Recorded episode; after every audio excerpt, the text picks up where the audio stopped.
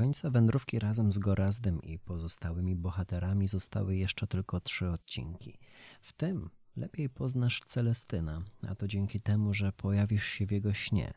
Być może zrozumiesz też, skąd wzięła się jego naiwność.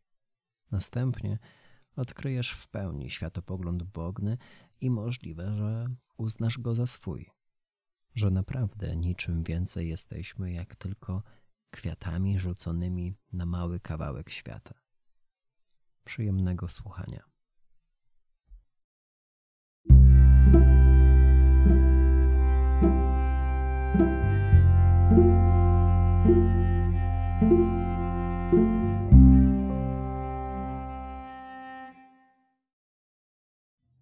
Przez kilka tygodni Celestyn leżał nieprzytomny. Wokół jego łóżka gromadziły się kobiety z całej wsi, które pełniły przy kapłanie dyżury, śpiewały nabożne pieśni, odmawiały modlitwy, wycierały spoconą twarz proboszcza i przykładały mu do ust wilgotne gąbeczki. Warty trwały nieustannie. Nie było godziny, by duchowny pozostawał bez opieki. Sprowadzano też do niego dwóch lekarzy z miasta. Wchodząc na plebanie, ściągali z głowy kapelusze, kłaniali się zgromadzonym i przyglądali uważnie śpiącemu. Nasłuchiwali, przykładali swoje stetoskopy i szkiełka, popukiwali młoteczkami, zaglądali do uszu, nosa, ust oraz oczu. Nie mieli jednak żadnej recepty. Nie wiedzieli, co dolega kapłanowi, skąd wzięła się ta jego niemoc i pogrążenie w śnie. Zalecali zimne okłady i obserwacje, a nade wszystko modły i wiary. Tymczasem Celestyn wrócił w swych wizjach do rodzinnego domu, którego nie pamiętał podczas życia na jawie. Do ukochanej matki, która nie przeżyła tego, że jej jedyny syn wybrał drogę kapłaństwa i wyrzeczeń. W tych wizjach cofnął się do czasów sprzed założenia sutanny i objęcia probostwa. Matka zawsze powtarzała, że gdy tylko pojawią się wnuki, to odda im drugą połowę swego serca. Będzie je karmić, kąpać i prowadzić do kościoła, ale najważniejsze, nauczy je gotować i piec, bo tylko im przekaże swe przepisy, w których zatracił się książę Sapiecha w czasach, gdy był szambelanem dworu królewskiego. Nie wyobrażał sobie, by jego kucharka, jego umiłowana Klementynka mogła gotować dla kogoś innego niż on, więc po tym, jak zaangażował się w powstanie, które przyniosło jeszcze większy ucisk ludności, a jemu samemu konfiskatę dóbr, przeniósł się do Galicji nie tylko ze swoją rodziną, ale także razem z matką Celestyna i jej krewnymi. Zatrudnił ją dodatkowo w jednym z warsztatów tkackich, których budowę rozpoczął, by w ten sposób zaangażować lokalną ludność i umniejszyć wszechobecną biedę. Klementynie powodziło się zatem całkiem dobrze, jak na owdowiałą wcześniej kobietę. Celestyn przyszedł jednak na świat w atmosferze domysłów, dochodzących zewsząd półprawd, cieni, chichotów. Od niemowlęctwa musiał nieść na sobie pierzynę szykan i kłamstw. Nauczył się zatem z nimi żyć, a właściwie żyć mimo nich, w całkowitej obojętności na nie tej ślepocie, która czyni niemożliwym dostrzeżenie prawdziwych intencji, tych łańcuszków łączących poszczególne części w jeden ciąg. Pójście drogą kapłaństwa okazało się dla niego wygodną formą ucieczki od trudów życia i krzywd, które mu zadano, a których nie mógł zrozumieć. Przede wszystkim jednak uciekł od zaborczej matki i jej toksycznej, dominującej miłości a ona nie wybaczyła mu tego, że wraz z jego śmiercią przepadnie ostatnia cząstka jej samej. Uważała, że syn musi czuć zobowiązanie wobec wszystkich wyrzeczeń, jakie ponosiła, by zapewnić mu godne życie. Za swoją pracę dostawała solidną zapłatę. Dodatkowo relacja łącząca ją z księciem Sapiechą oddalała od niej widmo ubóstwa, ale lwią część swego majątku wykładała na edukację Celestyna na ubrania dla niego i lepsze pożywienie, które ze względu na swą kulinarną przeszłość potrafiła przygotować po królewsku. Robiła to nie tylko z miłości dla syna, ale przede wszystkim z wielkiego pragnienia, które w niej żyło, by przetrwać przez pokolenia, nie zginąć całkiem wraz ze swym ostatnim tchnieniem, Bo jaki sens miałoby wtedy to wszystko? Po co byłoby znoszenie tych szyderstw, rechotów, złych słów i wrogich spojrzeń? Jakie znaczenie ukryłoby się pod przeżywaniem dnia za dniem, stawianiem w warsztacie, spędzaniem w nim większości czasu? Gdyby to wszystko było po nic, było tak kruche i chwilowe, wolałaby spalić wszystkie krosna poustawiane w fabryce i wyruszyć w świat. Zobaczyć, czy wszędzie ludzie tak bardzo się oszukują, że zdolni są do przechytrzenia nieuchronnego rozpadu. Kapłaństwo syna przekreśliło jej starania o uchwycenie nieśmiertelności. Wiedziała, że gdy on umrze, umrze ona całkiem. Gdy pleban targany dreszczami i gorączką odwiedzał zakątki dzieciństwa i czasów młodości, obserwował drogę swojej matki od kuchni szambelana po warsztat tkacki, jej utarczki z przechodniami, a w końcu wspólne chwile z nią, ujrzał ją ostatniej nocy. Siedziała sztywno, ubrana w czarną, prostą suknię pozbawioną wyrafinowanych ozdób. Składała się z gładkiej spódnicy i wydłużonej baskiny, co przypominało kontusz. Obok niej płynęła wartkim nurtem rzeka. Jakby sensem wcale nie było dopłynięcie, a prędkość. Sama demonstracja ruchu, hołd dla wszystkiego, co się porusza, pędzi, po prostu zmierza. Klementyna odwróciła głowę i spojrzała na bezbronnego syna, który wpatrywał się w nią jak w swój ukochany obraz z archaniołem Michałem. Nie patrzyła ze złością, ze smutkiem. Przeciwnie. W tym śnie spoglądała na niego ciepło, z matczyną troską idącą w parze ze zdolnością korzystania z własnych doświadczeń, z pośmiertnym przebaczeniem. Nie stój, Stynek, nie stój. Zwróciła się do niego głosem chłodnym, pochodzącym z zupełnie nieznanego świata.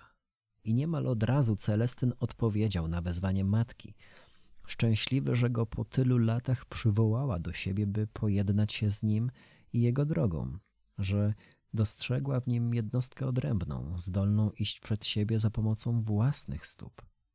Zanim jednak otworzył oczy, jeszcze raz przyjrzał się jej twarzy, jakby chciał zapisać w sobie ten obraz, by wiedzieć, w którą stronę wyruszyć. Wraz z przebudzeniem powrócił także kaszel, który od miesięcy męczył kapłana i nie zamierzał mu odpuścić. Coś się w Celestynie kotłowało, wstrząsało jego ciałem, bo w czasie ataku wyginał się, co przypominało nam skręcanie bogny, gdy do głosu w jej łonie dochodziły podrażnione diabliki. W tym samym czasie, gdy miejscowy pleban chorował w towarzystwie wiejskich kobiet, w domu pod lasem nowy gospodarz uczył się zasad zbioru zasianych wiosną ziół. Najwięcej uwagi Bogna poświęciła Józefkowi. Od samego początku była to roślina, na którą patrzyła zupełnie inaczej niż na pozostałe. Zdarzały się też takie noce, podczas których wychodziła cicho z łóżka, zostawiała w nim śpiącego Gorazda i uważając, by się nie zbudził, kierowała się w stronę coraz mocniej pachnącego zioła. Siadała koło niego, przymykała oczy, czasem też przygryzała wargi, jakby czuła narastające pragnienie, by w końcu wyjawić swemu nowemu powiernikowi prawdę o roślinie, która wyrosła tak bujnie i dumnie dzięki aktowi rozpaczy. Nie możesz ścinać tak nisko.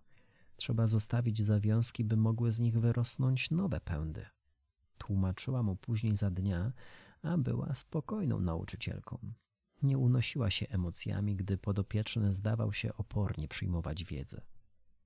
Cierpliwie tłumaczyła, pokazywała, dawała przykład i dbała, by adresat jej słów nie tyle mechanicznie powtarzał za nią gesty, ale rozumiał istotę każdego czynu. Później, krok po kroku, Opisywała go Razdowi, co musi zrobić, by Józefek zachował swoje właściwości. Dowiedział się od niej, że trzeba go przechowywać w szczelnie zamkniętych opakowaniach, najlepiej papierowych. Jednak zanim dojdzie do jego składowania, musi zadbać o suszenie chyzopu w zacienionym pomieszczeniu w niezbyt wysokiej temperaturze, co było trudne tego lata. Obawiał się, że roślina utraci swoje walory i na nic zda się cała ta nauka, to całe obserwowanie jej wzrastania, kwitnienia i przekwitania. Bogna czuła jego obawy. O niego nie musisz się martwić. Jest wyjątkowo silny. Tak? A niby skąd bierze się ta jego siła? Od czortów?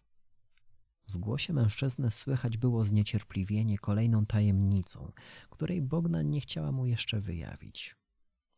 Żadne czorty nie mają tu nic do rzeczy. Nie bądź głupi, chłopcze. Najwyższy czas, byś ruszył w końcu głową.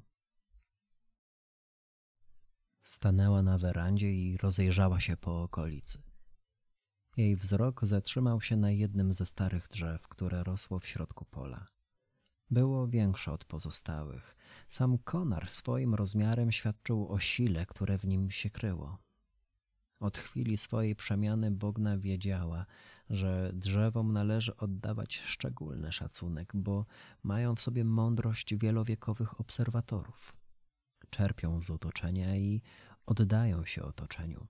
Żyją w pełnej symbiozie z okolicą, zachowując dumę i spokój, bo zanurzone są w wydarzeniach, których nie może pamiętać człowiek, nawet w najciemniejszych, najbardziej schowanych zakamarkach pokoleniowej świadomości. Wystarczy nieraz wsłuchać się w głos drzew, tych zdystansowanych, pokornych świadków ludzkiej krzątaniny, by dostać odpowiedzi co do dalszych kroków, decyzji i wyborów. Im nie jest straszne oburzenie czy kaprysy, bo mając korzenie osadzone głęboko w ziemi, nie próbują walczyć z podmuchami wiatru. Oddają mu się, pozwalają sobą miotać, jakby zawczasu pogodziły się ze swoją rolą i przeznaczeniem. Nie próbują zatem powstrzymać nieuniknionego. Niebo ubierało się już w barwy wieczoru – Zdawało się, że skwar dnia podpalił horyzont i człowiekowi zostało już tylko przyglądanie się temu katastroficznemu widowisku. Bogna wzięła w swoje ręce kubek z wychłodzoną herbatą, przejrzała się szybko w cienkiej brązowej powłoce i spojrzała na Gorasta. Wszystko to, co do tej pory ci mówiłam oraz wszystko, co jeszcze będę musiała ci powiedzieć, to żadna prawda objawiona. Zaczęła i zrobiła pauzę, by adresat jej słów mógł podejść i zająć wygodne miejsce. Usiadł zatem koło niej po turecku. Plecy oparł o balustradę okalającą werandę i spojrzał na kobietę z wyrazem twarzy świadczącym o gotowości do wysłuchania jej wykładu. Nie wiem, czy świat rzeczywiście jest tak skonstruowany, jak ci o nim opowiadam, bo choć ty uważasz inaczej, jestem ulepiona z tej samej gliny co ty. Mam takie same braki, ułomności. Chciał jej przerwać, lecz uciszyła go uniesieniem wskazującego palca. Miotam się między dniem a dniem. Szukam jakichś więzi, które łączą mnie jeszcze z tym miejscem i pozwalają w jakiś sposób poradzić sobie z nim.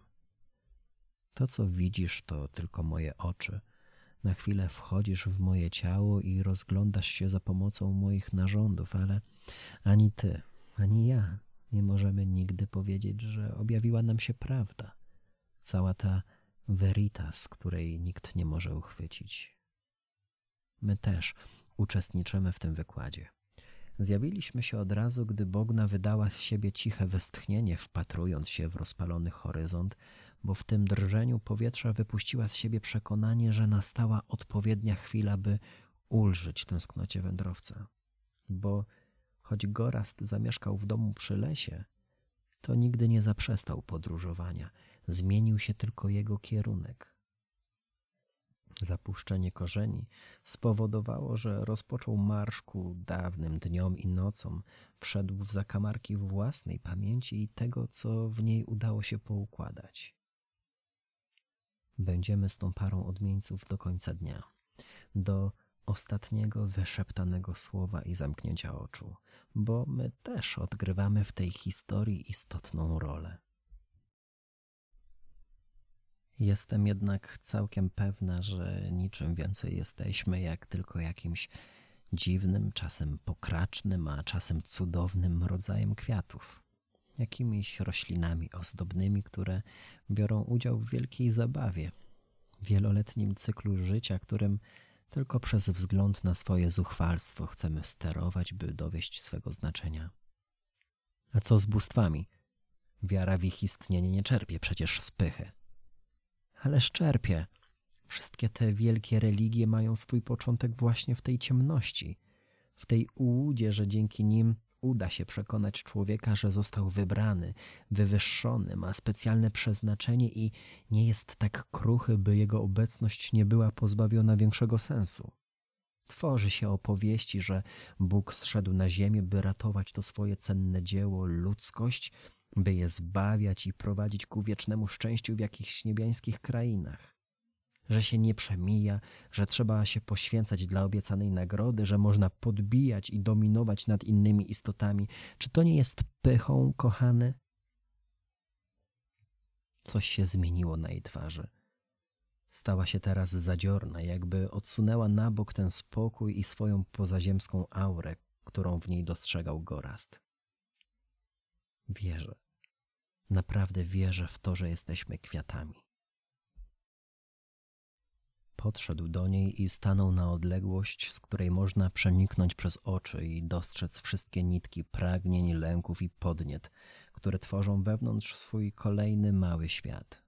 Chwycił ją za obie dłonie i spytał: Co chcesz mi powiedzieć? Do czego mnie przygotowujesz? Do tego, że nosiłeś ją przy sobie cały czas. Najpierw w bawełnianym woreczku, a później w szkatułce od baby w schronisku. One mi o wszystkim opowiedziały. Wskazała na nas, a nie wystarczyłoby wieczoru, by objąć wzrokiem nas wszystkich. Dopiero teraz Gorast dostrzegł naszą obecność i ogromną masę, jaką stanowimy. Nie zwracał na nas zbyt wielkiej uwagi. Nawet wtedy, gdy Celestyn ostrzegał przed nami, uznał to za wiejskie zabobony, którym uległ prosty pleban. Bogna jednak kontynuowała. Wiem o wszystkim, chłopcze. O twoim życiu, o tym, co chowasz w sobie i czego nigdy nie porzucisz. Wiem o szale, w jaki wpadłeś, o tym, że rozrzuciłeś prochy ciała, które niosło twoją duszę, którą słusznie określasz towarzyszką, bo to właśnie robią nasi partnerzy podczas tej nieustannej podróży. Towarzyszą. I uciekło kilka łez z oczu Gorazda. Byliśmy na to jednak przygotowani, więc przyjęliśmy je za znak, by w końcu nasz chór zaczął śpiewać i rozprowadzać pieśń po werandzie, po ogrodzie i po całej wsi, która właśnie kładła się do snu. Bogna uśmiechnęła się, słysząc nasz śpiew, jakby czekała na niego, by dokończyć obraz malowany przed oczami wędrowca. On z kolei kręcił dookoła głową, nie mogąc uwierzyć, że w tych dźwiękach, jakie wszyscy z siebie wydawaliśmy, poukrywaliśmy ludzką mowę. Wcale nie postradał zmysłów zgodnie z przepowiednią Celestyna. Naprawdę niosło się dźwięczne, przyjemne dla duszy przesłanie, że wciąż tu jest. Ona wciąż tu jest. Gdzie? Gdzie jest? Zerwał się na nogi i zaczął biegać między nami, jakby chciał złapać jednego lub jedną z nas, by wymusić kolejne wyznanie, ale nie można złapać lerki, gdy ona sama na to nie pozwoli. Dlatego biegał po ogrodzie, machał rękami, to padał na kolana, to z nich powstawał, aż w końcu upadł całkiem i schował głowę w dłoniach. Teraz już płakał głośno, szaleńczo, wylewając z siebie takie ilości łez, które wypełniłyby wiele wiader do podlewania warzyw i roślin. Bogna podeszła do niego bezszelestnie. Uklęknęła obok i objęła ramieniem. Położyła przed nim niewielki kawałek materiału. Wycięty fragment tkaniny, na której leżały kwiaty i łodygi Józefka. Gorast przestał łkać. Spojrzał na nie i wziął tę ofiarę w palce. Popatrzył błagalnie w oczy kobiety. Ona tu jest, chłopcze. Te wszystkie mądre ptaki pozbierały cząsteczki prochu, jedną za drugą, i przeniosły tam, gdzie kiełkował Józefek. Tym właśnie jesteśmy, najdroższy. Kawałkiem świata, materią czasu I tylko tym jest ta nasza wieczność.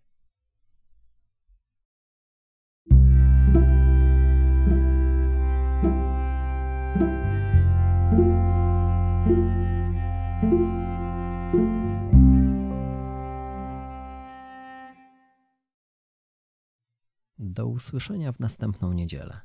Pamiętaj, że możesz mnie znaleźć na Twitterze, Instagramie i TikToku. A jeśli zechcesz udać się ze mną na wirtualną kawę, to w opisie znajdziesz link. Wszystkiego dobrego.